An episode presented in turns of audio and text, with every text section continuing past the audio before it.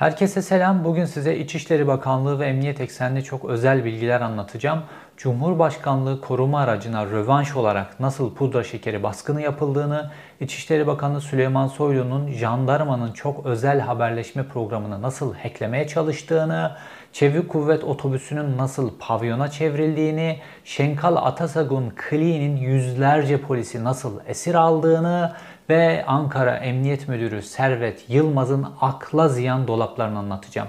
Yine dop dolu, yine bilgi dolu bir videoyla karşınızdayım.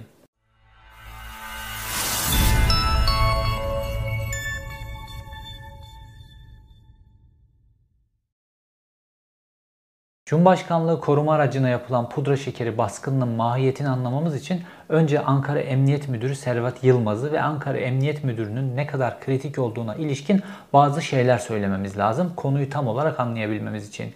Şimdi Ankara Emniyet Müdürü, daha doğrusu Ankara valileri ve Ankara Emniyet Müdürlerini hükümetler hep çok güvendikleri adamlardan seçmek isterler. Çünkü bütün devlet ricali Ankara'da bakanlar, saray, işte eskiden başbakan vardı, başbakanlık, cumhurbaşkanlığı ne dersen her şey Ankara'da olduğu için paşalar, Milli İstihbarat Teşkilatı vesaire ve Ankara'da yüzlerce kamera var. Aynı zamanda bu önemli devlet ricalini koruyan koruma polisleri var. Onlardan akan bilgiler var. Her yerde polis noktası, sivil polisler vesaire çok fazla bilgi geliyor. Dolayısıyla devlet ricalinin attığı her adım, devletin önemli e, yetkililerinin yaptığı görüşmeler vesaire temaslar bunların bütün bilgileri Ankara Emniyet Müdürlüğü'ne gelir. Dolayısıyla hükümetler takip altında olmamak için Ankara Emniyet Müdürlerini kendilerinden belirlerler. Şimdi Süleyman Soylu ile Tayyip Erdoğan'ın arasının iyi olduğu günlerde Servet Yılmaz da işte Ankara Emniyet Müdürlüğü'ne getirilmişti Süleyman Soylu'nun kuvvetiyle o günlerde. Fakat Birkaç ay öncesinde hükümet, milli görüşçüler ve saray Ankara Emniyet Müdürü Servet Yılmaz'ı yemek için bir hamle yaptılar. Fakat Ankara Emniyet Müdürünü yemediler çünkü kulakçık programı devreye girdi. Şimdi bir önceki videomu izlediyseniz kulakçık programının bütün detaylarını anlattım. Nasıl bir şemamız vardı? En zirvede Şenkal Atasogun, eski MİT müsteşarı, İstanbul ayağında Mehmet Ağar, Ankara ayağında Süleyman Soylu, hükümetin içerisindeki adamları Devlet Bahçeli, iktidardaki adamları Devlet Bahçeli ve mafya yeraltı dünyasındaki adamları da işte Alaaddin Çakıcı ve Ayhan Bora Kaplan gibi yeni yeni piyasaya çıkardıkları mafya liderleri. Bu şekilde bir teşkilattan bahsetmiştim ve bu teşkilatın emniyet içerisinde kullandıkları kulakçık denen bir programdan bahsetmiştim. Bu kulakçık programının içerisine kullanabilecekleri, haklarında açıklar olan işte rüşvet, mafya ile ilişkiler vesaire, aile, e, evlilik dışı ilişkiler gibi bütün bilgileri topladıkları dolayısıyla avuçlarını aldıkları polislerin bilgilerini, dosyalarını koydukları bir programdı ve bu bilgiler, dosyalar, aleyhte dosyalar olan polisleri de kritik noktalara getirip bütün emniyet teşkilatını yani Türkiye'nin bütün iç güvenliğini teslim almış vaziyettelerdi. Şimdi bu kulakçık programını kullanarak Ankara'da Servet Yılmaz üzerinden neler çevirdiler ve iş nasıl Cumhurbaşkanlığı koruma aracına pudra şekeri baskını yapmaya kadar vardı bunu anlatacağız. Şimdi Servet Yılmaz'ı görevden aldırmak istedikleri zaman Servet Yılmaz üzerinden özellikle bu e, kulakçık programı üzerinden Ankara'nın ilçe emniyet müdürlüklerine atamalar yaptılar. Tamamen kendi kontrol edebilecekleri haklarında açık olan adamlar. Ve Servet Yılmaz bunları kullanmaya karar verdi. Çünkü Servet Yılmaz'ın bir e, kamuoyu PR çalışmasına bir reklama ihtiyacı vardı ki görevden alınmasın.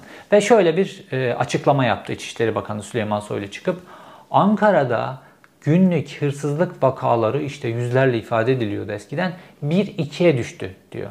Ve Ankara'da çok özel bir uygulama yaptı Servet Yılmaz. Dolayısıyla 1-2'ye düştü. Sonrasında bunu Servet Yılmaz da çıktı detaylarını anlattı. İşte biz Ankara'da pilot bir uygulama yaptık. Bu sayede Ankara'da hırsızlık olayları günde 1-2'ye kadar düştü diye açıklama yaptı. Neymiş bu pilot uygulama? İşte hırsızları tespit etmişler bütün Ankara'daki. Her hırsızı bir polise zimmetlemişler falan filan da bu yüzden düşmüş. Bu tamamen reklam ve tamamen uydurma ve Ankara'da Süleyman Soylu'nun hırsızlık olayları 1-2'ye düştü dediği gün Ankara'da 300 tane hırsızlık olayı gerçekleşiyor. Fakat bunu kağıt üzerinde nasıl değiştiriyorlar? İşte burası kulakçık programının marifeti. Şimdi ne dedim? Kulakçık programında açı olan insanların hepsini Ankara'nın ilçe emniyet müdürlüklerine dizdi. Servet Yılmaz. Niye? Çünkü Servet Yılmaz'da da bu kulakçık programı var. O e, USB Servet Yılmaz'da da var. Dolayısıyla bunlara şöyle bir talimat verdiler. Yaptıkları plan. Normalde vatandaşlar karakollara gelip ya da polis merkezlerine gelip bir suç duyurusunda bulundular. Mesela hırsızlık oldu, mesela tecavüz oldu vesaire. Bunları duyurduklarında cerrahim defteri denen bir defter var. Ve buraya o kişinin belirttiği şekilde öncelikle suçlama yazılıyor ve emniyetin istatistikleri de bu cerrahim defteri üzerinden oluşturuluyor. Şimdi bunlar Vatandaş dediler ki bu kulakçık programı üzerinden baskı altında tuttukları polis müdürlerine şöyle bir şey yapacaksınız.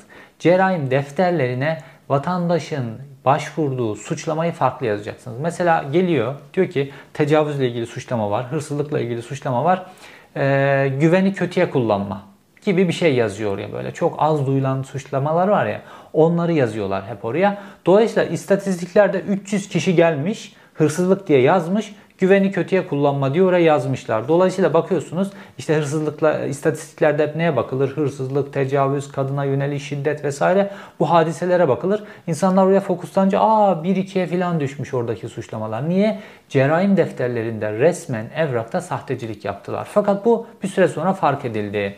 Fark edilince ne oluyor? Daha doğrusu savcılar bunu fark ettiler. Neden? Çünkü önlerine yüzlerce hırsızlık dosyası geliyor fakat emniyetin istihbaratlarında, emniyetin istatistiklerinde günde bir iki hırsızlık oluyor. O zaman cerrahim defterlerinde oynama yaptıkları fark edildi ve savcılar bu cerrahim defterlerini düzeltin dediler. Ve cerrahim defterlerini düzeltmeyi sürüncemede bıraktılar. Çünkü o istatistiklerin devamına ihtiyacı vardı. Sonra Adalet Bakanı Abdülhamit Gül, Süleyman Soylu'dan da nefret eden isimlerden bir tanesi. Onun talimatıyla Ankara'daki savcılar e, cerrahim defterlerinde yani suçun vasfını değiştirmekle ilgili polislerle ilgili işlemler başlatmaya başladılar. Fakat polislerle ilgili yapılan bu işlemlerle ilgili araştırmayı yapacak olanlar da savcının elindeki kolluk kuvveti polis. Fakat bu kulakçık programı nedeniyle ellerinde tuttukları polisler tuttular bu soruşturmaların hepsini sürüncemede bıraktılar. Ve o istatistikler, reklam haberler, yandaş medyada haber oluyor, o bu vesaire Servet Yılmaz paçayı kurtardı. Şimdi Servet Yılmaz'ın paçayı kurtarması yani görevden alınmaması Süleyman Soylu için niye önemli? Çünkü eğer Ankara Emniyet Müdürlüğü'nde gerçekten Tayyip Erdoğan'a hükümete yakın bir adam olsa Süleyman Soylu aleyhine zaten sürekli bilgi topluyor şu an Tayyip Erdoğan. Süleyman Soylu'nun evinin önündeki Mobesa'nın bilgileri bile Tayyip Erdoğan'a akar. Kim giriyor, kim çıkıyor, ne oluyor, Soylu kiminle görüşüyor, ne oluyor, ne bitiyor filan. Bütün bu bilgiler de Tayyip Erdoğan'a akar. O kadar kritik bir pozisyonda aslında Ankara Emniyet Müdürü. Dolayısıyla bu PR'larla işte bu kulakçık programını kullanarak filan yaptılar bunu. Fakat insanlar polisler dahi, normal polisler dahi bütün bu olayın, bu cerrahim defterlerindeki düzenlemeler filan, istatistikler niye böyle çıkıyor filan bunların bütün hepsinin arka planında bu kulakçık programının olduğunu çözemediler. Fakat Servet Yılmaz'ın numaraları bununla da bitmiyor. Servet Yılmaz'ın numaraları devam ediyor. Fakat şimdi gelelim bu pudra şekeri meselesine. Şimdi Servet Yılmaz ee, ve Süleyman Soylu için e, önemli isimlerden bir tanesi Ayhan Bora Kaplan. Niye? Çünkü Ayhan Bora Kaplan tamamen Süleyman Soylu tarafından ortaya çıkartılmış, uydurulmuş bir e, yeraltı dünyası figürü mafya lideri ve ve Ankara özellikle bu uyuşturucu sevkiyatında Ankara'da çok önemli noktalardan bir tanesi ve Ankara üzerinden uyuşturucu sevkiyatı, uyuşturucu rotası yönetimini filan yapan geçmişten beri başka gruplar vardı. Bunların hepsi baskı altına alındı. Dolayısıyla ürettikleri Ayhan Bora Kaplan figürü Şenkal Atasagun Kiliği ve dolayısıyla Süleyman Soylu dolayısıyla Servet Yılmaz için son derece önemli. Fakat bu Ayhan Bora Kaplan'ı yani dolayısıyla Süleyman Soylu'nun müthiş miktarda para biriktirme olayını çökertmek için bir kumpas planlandı. Bu kumpas neydi? Biliyorsunuz bir tane e, Adalet ve Kalkınma Partili danışman meşhur hepimiz de gördük ve pudra şekeri ismi de onunla birlikte meşhur oldu. Bu pudra şekeri biliyorsunuz otobü arabasında pudra şekeri çekiyordu burnuna.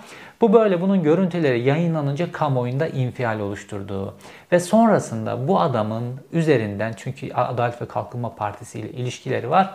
Buna bir ifade verdirttiler. Bu dedi ki bana bu pudra şekerini Ayhan isimli birisi verdi diye ifadesinde söyledi. Bu Ayhan kim? Ayhan Bora Kaplan. Dolayısıyla bunun üzerinden Ayhan Bora Kaplan'a yürüyeceklerdi.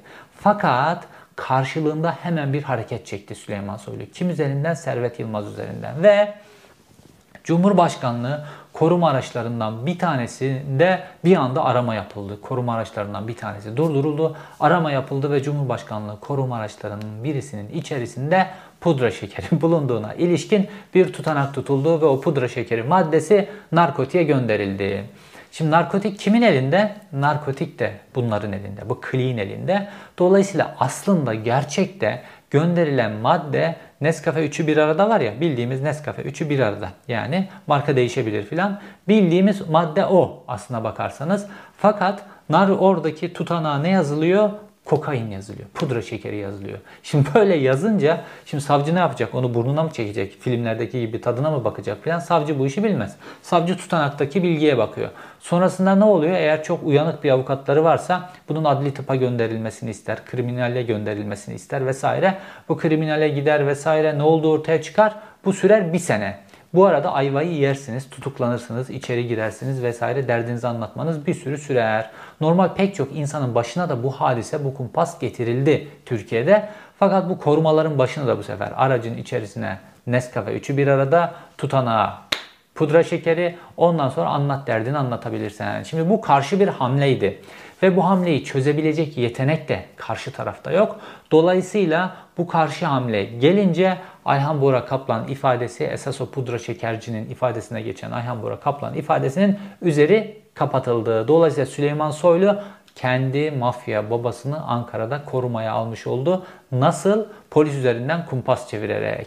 Bu kadar mı? Bu kadar da değil. Şimdi Ayhan Bora Kaplan Ankara'da sürekli mekanlar açıyor. Sürekli gazinolar açıyor. Bir sürü gazino, gazino, gazino. Aslında bu gazinolar açmıyor. Sadece isimlerini değiştiriyor. Nasıl oluyor? Bu da işte Ankara Emniyet Müdürü Servet Yılmaz ve ekibi üzerinden, kom dairesi vesaire bunlar üzerinden dönen bir dolap. Nasıl oluyor biliyor musunuz? Şimdi normalde Ankara işte bu pavyonlarının, gazinolarının vesaire böyle elit gazinoların korumalarının hepsi bu e, Kürt Ahmet, Şahin Turgut filan bunların elindeydi. Bütün bunların giriş çıkış koruma filan işlerini bunlar yapıyorlardı. Şimdi bunlara bir kumpas çevirdiler bunlara. Ve bunların elinden, bu grubun elinden işte bir çatışma çıktı, şu oldu, bu oldu. Biraz bu kumpasa da geldi bu grup. Bu grubun elinden bütün bu korumaların hepsini, gazinoların koruma işlerinin hepsini Ayhan Bora Kaplan grubu aldı. Bunlar sonra bu gazinolarda işler nasıl dönüyor, nasıl oluyor, işler nasıl yürüyor filan bu korumalar üzerinden bütün gazino alemindeki işlerin nasıl döndüğüne ilişkin bilgileri aldılar. Hangi gazino ne kadar iyi iş yapıyor, hangi gazino yapmıyor filan bu bilgilerin hepsini aldılar. Şimdi pudra şekerinden gelen parayı aklamak için bir gazino lazım size, iki galeri lazım. Bu ikisi üzerinden para aklanır. Böyle yerel ölçekte. Dolayısıyla bu gazinoları almak için ne yaptılar?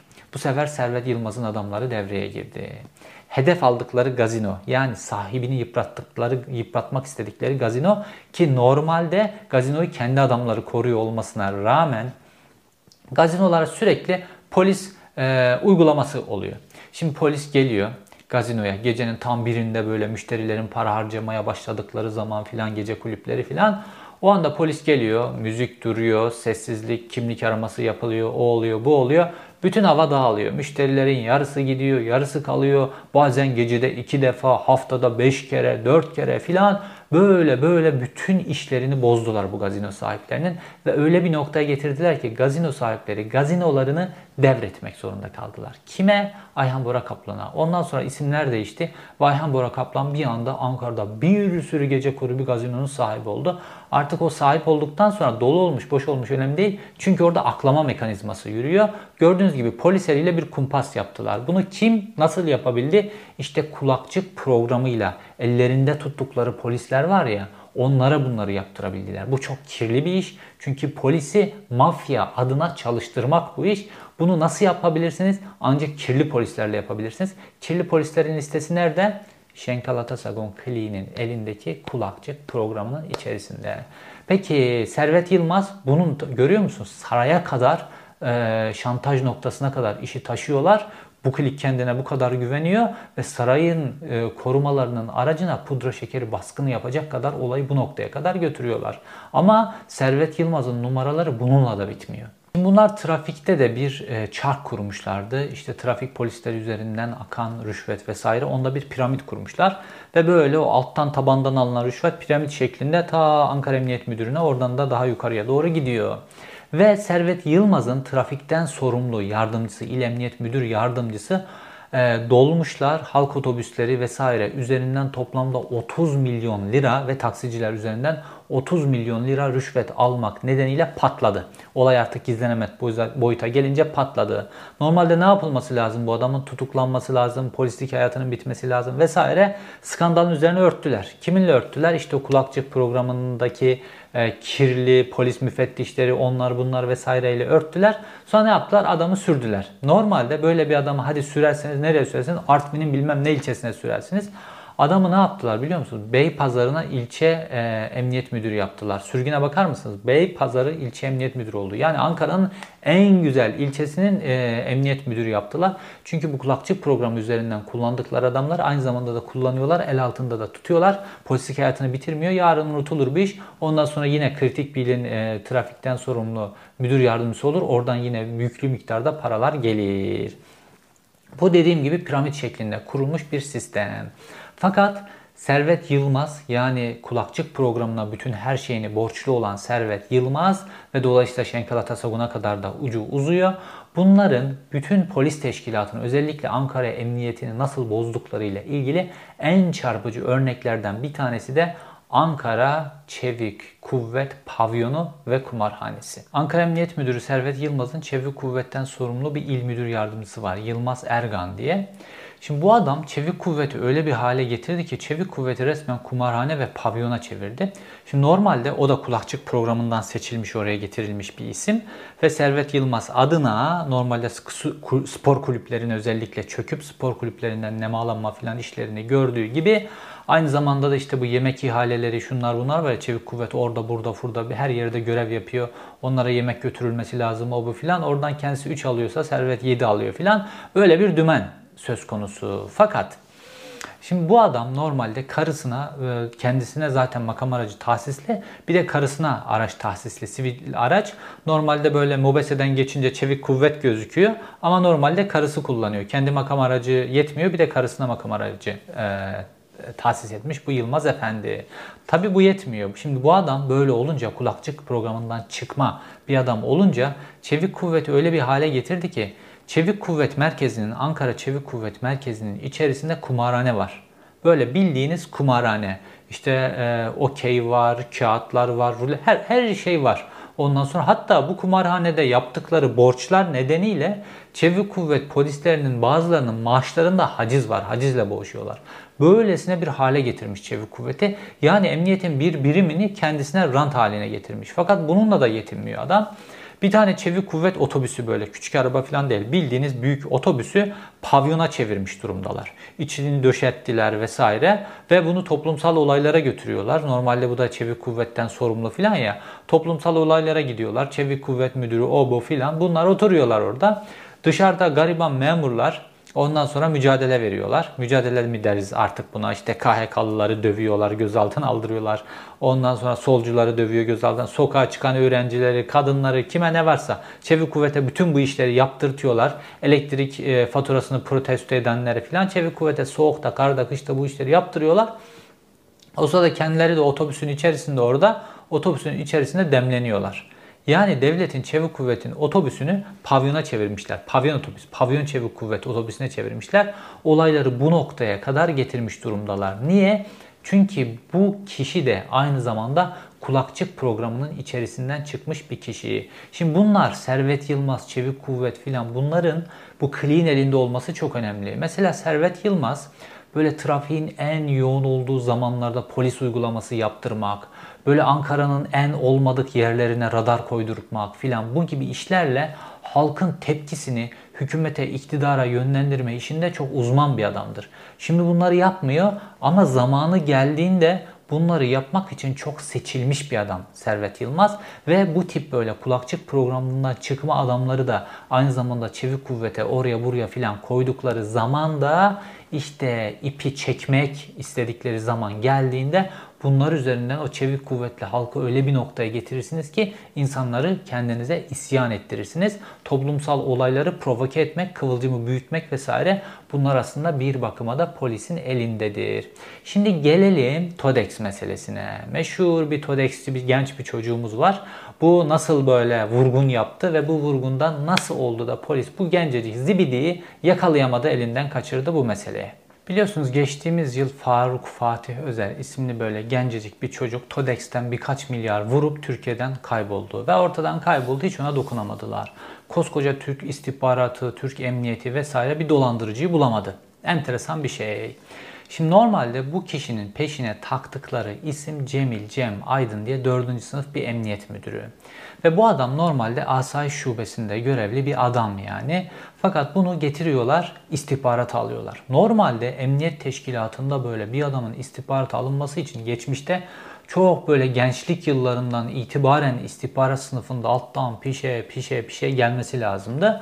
Fakat bu düzenlerin hepsini, bütün bu yönetmeliklerin hepsini darma duman ettikleri için asayişteki adamı alıyorlar, istihbaratçı yapıyorlar vesaire. Şimdi bu düzeni böyle Tayyip Erdoğan darmadağın etti. Ondan sonra şimdi bu Süleyman Soylu, Şenkal Atasagun kliğinin de çok işine geliyor. Asayiş'ten o kulakçık programına bakmışlar ve Cemil Cem Aydın'ın da bayağı bir ki geçmişi karanlık para pul işlerinde filan bayağı bir zaafı var ve Cemil Cem Aydın'ı getirip asayişten e, emniyet istihbaratının içerisine koyuyorlar. Şimdi bu TODEX işi patlayınca Cemil Cem Aydın'ı TODEX'ciyi bulmak için gönderiyorlar. Şimdi bu gidiyor Fatih'in yanına. Fatih'i bul aslında bulmak için gitmiyor.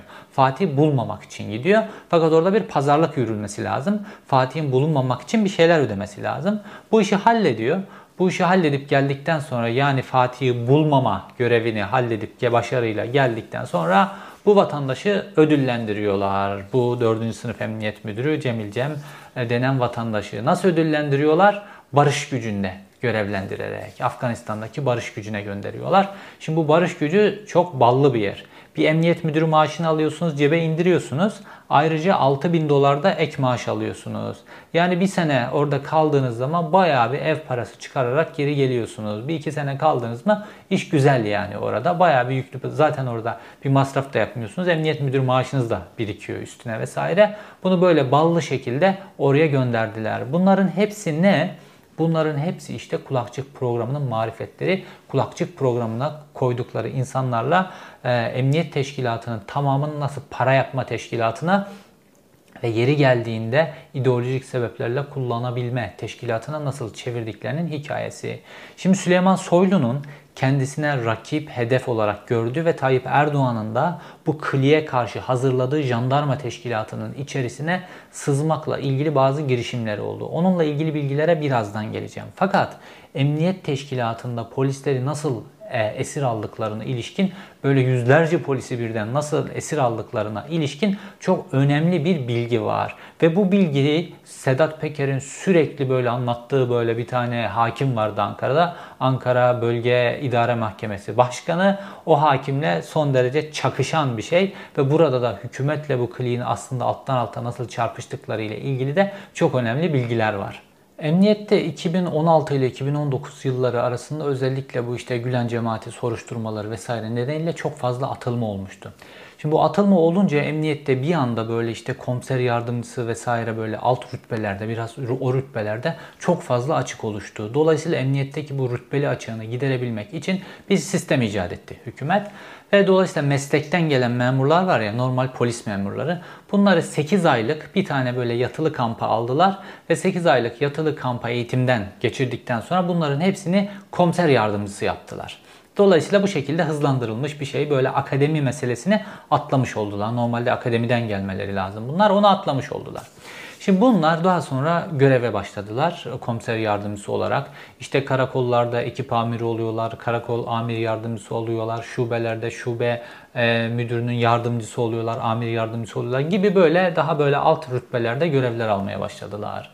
Fakat bunlar normalde işte Adalet ve Kalkınma Partisi Tayyip Erdoğan ilk böyle başlangıçta böyle 17-25 Aralık'tan sonra filan bu polis e, teşkilatını çok fazla hedef almıştı. Polis Koleji, Akademisi filan bunlar işte bir kısmı kapatıldı, kadroları değiştirildi, o vurdu, bu oldu. O sırada da Tayyip Erdoğan'ın bir koalisyonu vardı Perinçek grubuyla. Dolayısıyla buraya akademiye vesaire Perinçek grubundan çok fazla adam koymuşlardı. Ve bu böyle bu kamptan gelen komiser yardımcılarında vesaire ilk başlarda Perinçek grubunun bir etkisi var gibi ise de Tayyip Erdoğan onları bir şekilde yiyeceği için buradan böyle mesela bir kılçık attı ve 2018 yılında özellikle bu Perinçekçilerin vesaire hepsi akademiden temizlendi. Dolayısıyla AKP referanslı kişiler komiser yardımcısı olarak 8 aylık kursla emniyet teşkilatının içerisine gelmeye başladılar. Fakat bunlar ee, polislikten gelen kişiler olduğu için daha çok böyle emir almaya e, yatkın kişiler ve böyle karışık işlere filan bunlara çok böyle gelemeyecek kişiler. Aynı zamanda da kanunlardan, nizamlardan filan çekinen kişiler. Şimdi bunlar böyle olunca bu kulakçık programı ekibi, bu Şenkal Atasagun, Süleyman Soylu, Mehmet Ağar ekibinin çevirmek istedikleri işlerde entegre olamayan, ayağa taş koyan, korkan, çekinen, kanunlara uymaya çalışan filan tipler oldular. Böyle bir şekilde tam entegrasyonu sağlayamadılar genel olarak. %80-85'i diyebilirim. Ve dolayısıyla bunlar kulakçık programına sakıncalı olarak yazıldılar. Ve bunların %80-85'i sürüldüler böyle. Karakolların en ücra şeylerine yani şubelerden kom vesaire bu şubeler var ya esas iş yapan bu şubelerin hepsinden böyle karakollara sürgün sürgün yediler bunların hepsi. iş yapmayan yerlere sürüldüler bunlar. Fakat bunların içlerinde bazılarının özellikle işte karısı avukat olan var vesaire bunlar eğer biz askerlik hizmetimizi de saydırırsak hizmetimize dolayısıyla iki yıldız oluruz. Yani komiser oluruz. Komiser olduktan sonra işler değişiyor. Şube müdürü oluyorsun, karakol amiri oluyorsun vesaire işler değişiyor. Dolayısıyla bunlar böyle iki yıldız komiser olurlarsa işler değişip daha iyi pozisyonlara gelecekleri için bu kulakçık ekibinin işlerini tamamen bozma potansiyeli taşıyacaklar. Çünkü böyle alt seviyede işleri tamamen yürüten ekipler olacaklar bunlar. Dolayısıyla bunların komiser olmaması lazım. Fakat bunların dediğim gibi karısı avukat olanlar vesaire diğer polis memurları, diğer e, e, akademi mezunları nasıl böyle askerliklerini saydırmışlarsa hizmetten bunlar da aynı şekilde askerliklerini hizmetten saydırmak için davalar açtılar. Ve toplamda 14 farklı ilde davaları kazandılar bunlar. Evet eşitlik ilkesi gereği sizin de askerliğinizi saydırmanız lazım. Bir tane ilde bu dava bozuldu. Hangi ilde? Ankara'da. Şimdi bu Ankara'daki kişi kim? Esat Toklu. Biz Esat Toklu'yu nereden biliyoruz? Sedat Peker'in videolarından biliyoruz. Ne demişti Sedat Peker? İşte bu Ankara Bölge İdare Mahkemesi Başkanı Esat Toklu Sezgin Baran Korkmaz'ın otelinde kaldı. Bedava yedi içti. Sonra işte Sezgin Baran Korkmaz'la ilgili bütün hukuksal meseleleri çözdü vesaire. Bu şekilde bir açıklama yapmış. E, videolarında dile getirmişti. Tweetlerinde dile getirmişti. Esat Toplu da bununla ilgili sözlü açıklama yapacaktı. Hala o açıklamayı yapacak. Fakat Sedat Peker bunu böyle dile getirmesine rağmen Esat Toplu sonra ne oldu? Danıştay'a seçildi. Şimdi o dönem şöyle işte Sedat Peker dile getirdi. Hükümet de işte onu sahiplenmek için Danıştay'a seçti filan. Aslında orada dönen hikaye başka. Şimdi normalde Esat Toplu ne yaptı? Bu tek yıldız komiserleri, komiser yardımcılarının iki yıldız komiser olmamasıyla ilgili karar veren tek kişi. Sonra Danıştay'a gitti ve bu davalara işte kamuda itiraz ediyor, bir şeyler yapıyor filan, emniyet itiraz ediyor filan. Bu davalar Danıştay'a gitti. Esat Toklu Danıştay'a gittikten 2 ay sonra bu davaların hepsinde bunlara dedi ki siz haksızsınız. Yani meslekten komiserliğe, meslekten rütbeye geçmiş kişilerin hepsine siz haksızsınız dedi. 2016 ile 2019 yılları arasında alınanlara. Normalde 2019-2020 yılı filan akademiden gelenler var ya bunlar askerliklerini saydırdılar fakat bunlara saydırtmadılar. Eşitlik ilkesine tamamen aykırı. Fakat Bunlar o pozisyona gelselerdi bir kan uyuşmazlığı olacaktı ve dolayısıyla kulakçık programındaki işler yürümeyecekti. Görüyor musunuz organizasyonun gücünü? Devletin içerisinde nasıl kavgalar veriliyor? Devleti mahvediyorlar yani. 8 aylık bir kursla birisini böyle komiser yapmak ayrı bir iş zaten. O eleştirilmesi gereken bir iş. Onun dışında bir de tutuyorlar böyle eşitlik ilkesini yer altına alıyorlar. Niye? Cebimize dolacak para bizim tezgahımız, bizim kulakçık tezgahımız bozulmasın diye devletin bütün sistemini yerle bir edecek aynı zamanda da bir sistematik yürütüyorlar. Fakat Sedat Peker bu Esat Toklu dediğim gibi Süleyman Soylu, Sezgin Baran Korkmaz bağlamında anlatmıştı. Fakat işin arkasında yürüyen başka bir düzen var. Şimdi gelelim jandarmanın e, sistemine Süleyman Soylu'nun nasıl sızmak istediği meselesine. Jandarmanın kullandığı Zaptiye isimli bir tane program var. Böyle WhatsApp, WhatsApp muhabili ama böyle daha böyle kriptolu güvenli diyebileceğimiz bir program.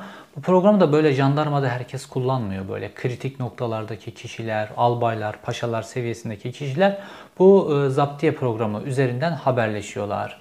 Şimdi jandarmayı e, bir önceki videoda anlattım. Tayyip Erdoğan bu Şenkal Atasagun çetesinin emniyeti tamamen ele geçirdiğini gördüğü için bunlara karşı yani devletin kurumunu devlet kurumuna kırdırmak için Tayyip Erdoğan da jandarma teşkilatını kuvvetlendiriyordu. Jandarma teşkilatına personel alımı, imkanlar, para vesaire bunları yani rakip kolluk kuvveti olarak güçlendiriyordu. Belki de bu iki teşkilatı da birbirine sokacaklar. 15 Temmuz'da nasıl devletin kurumlarını birbirlerine soktularsa bu şekilde birbirlerine sokacaklar. Yeri gelecek belki de. Ve Süleyman Soylu da bu jandarmada neler dönüyor? Ondan sonra bu Şenkal Atasagun çetesi adına öğrenmek için bu Zaptiye programının içerisine sızmakla ilgili Resul Holoğlu meşhur Emniyet Müdürü Yardımcısı, Emniyet Genel Müdürü Yardımcısı Resul Holoğlu ve Siber Daire Başkanı Erdal var. Bunların ikisini görevlendiriyor. Bunların bu programa sızmalarıyla ilgili buna bir görev veriyor. Tabi şimdi jandarma kendisini korumak istiyor diyorum. Jandarma suç örgütlerinden gizli haberleşme vesaire ile ilgili kendini korumak istemiyor. Jandarma aslında bir bu Şenkal kliğine karşı kendini korumak istiyor. Bir. Ondan sonra Perinçekçilere karşı kendini korumak istiyor. İki, bir de Levent Göktaş var çok meşhur. Bu koç kulelerinde ofisi var filan. Koç grubu adına bütün işleri çevirir devlette filan.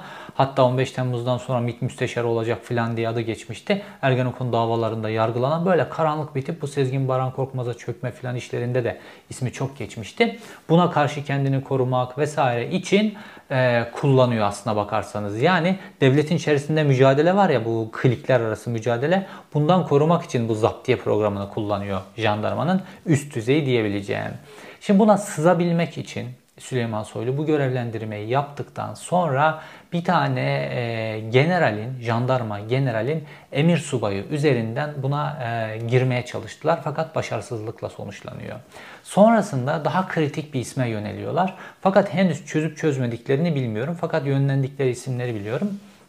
Jandarma Genel Komutanı Arif Çetin.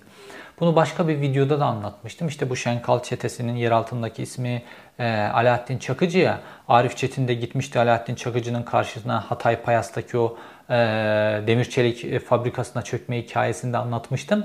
E, Arif Çetin jandarmanın Skorsky helikopteriyle Çakıcı'nın karşısındaki adamın e, fabrikasına indirme yaptı, gövde gösterisi yaptı böyle. Görüyor musunuz? Jandarma mafya gruplarının arasında iki devlette klikler var. O devletin kliklerinin de mafya grupları var. Jandarma bir tarafta, ondan sonra emniyet bir tarafta filan böylesine enteresan bir durum söz konusu. Bu Arif Çetin'in bir de emir subayı var. Yarbay. Bu Emir Subay aynı zamanda meşhur Abdülkadir Aksu var ya meşhur İçişleri Bakanı AKP'nin ilk yıllarının İçişleri Bakanı Abdülkadir Aksu'nun da yeğeni. Bunun üzerinden bu zaptiye programının içerisine sızmaya çalışıyorlar. Fakat sızabil, sızıp sızmadıklarını henüz bilmiyorum bu zaptiye programının içerisine. Fakat böyle bir hamle yapıyor. Şimdi bunların hepsi bize kulakçık programının nasıl kritik bir program olduğunu ve Ankara'da nasıl kirli oyunlar döndüğünü gösteriyor. Hepsi bunların hepsi bize.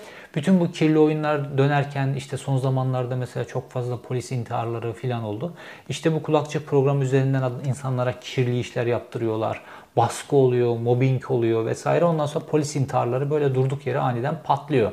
E, böyle bir terörün çok böyle tırmandığı yıllar filan böyle Güneydoğu'nun çok karışık olduğu böyle yıllar içerisinden de geçmiyoruz son birkaç yıldır. Fakat son birkaç yıldaki polis intiharları inanılmaz yüksek. İşte bunların hepsinin arka planında bu kulakçık programı var.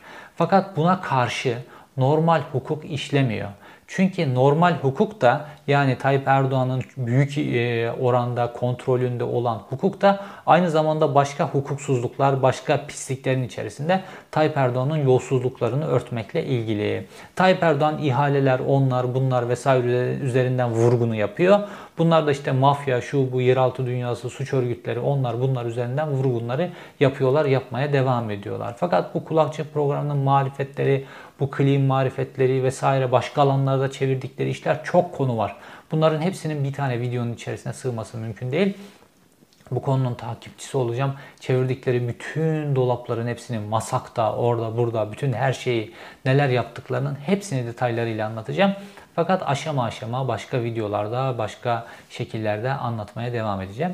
İzlediğiniz için teşekkür ederim. Bir sonraki videoda görüşmek üzere.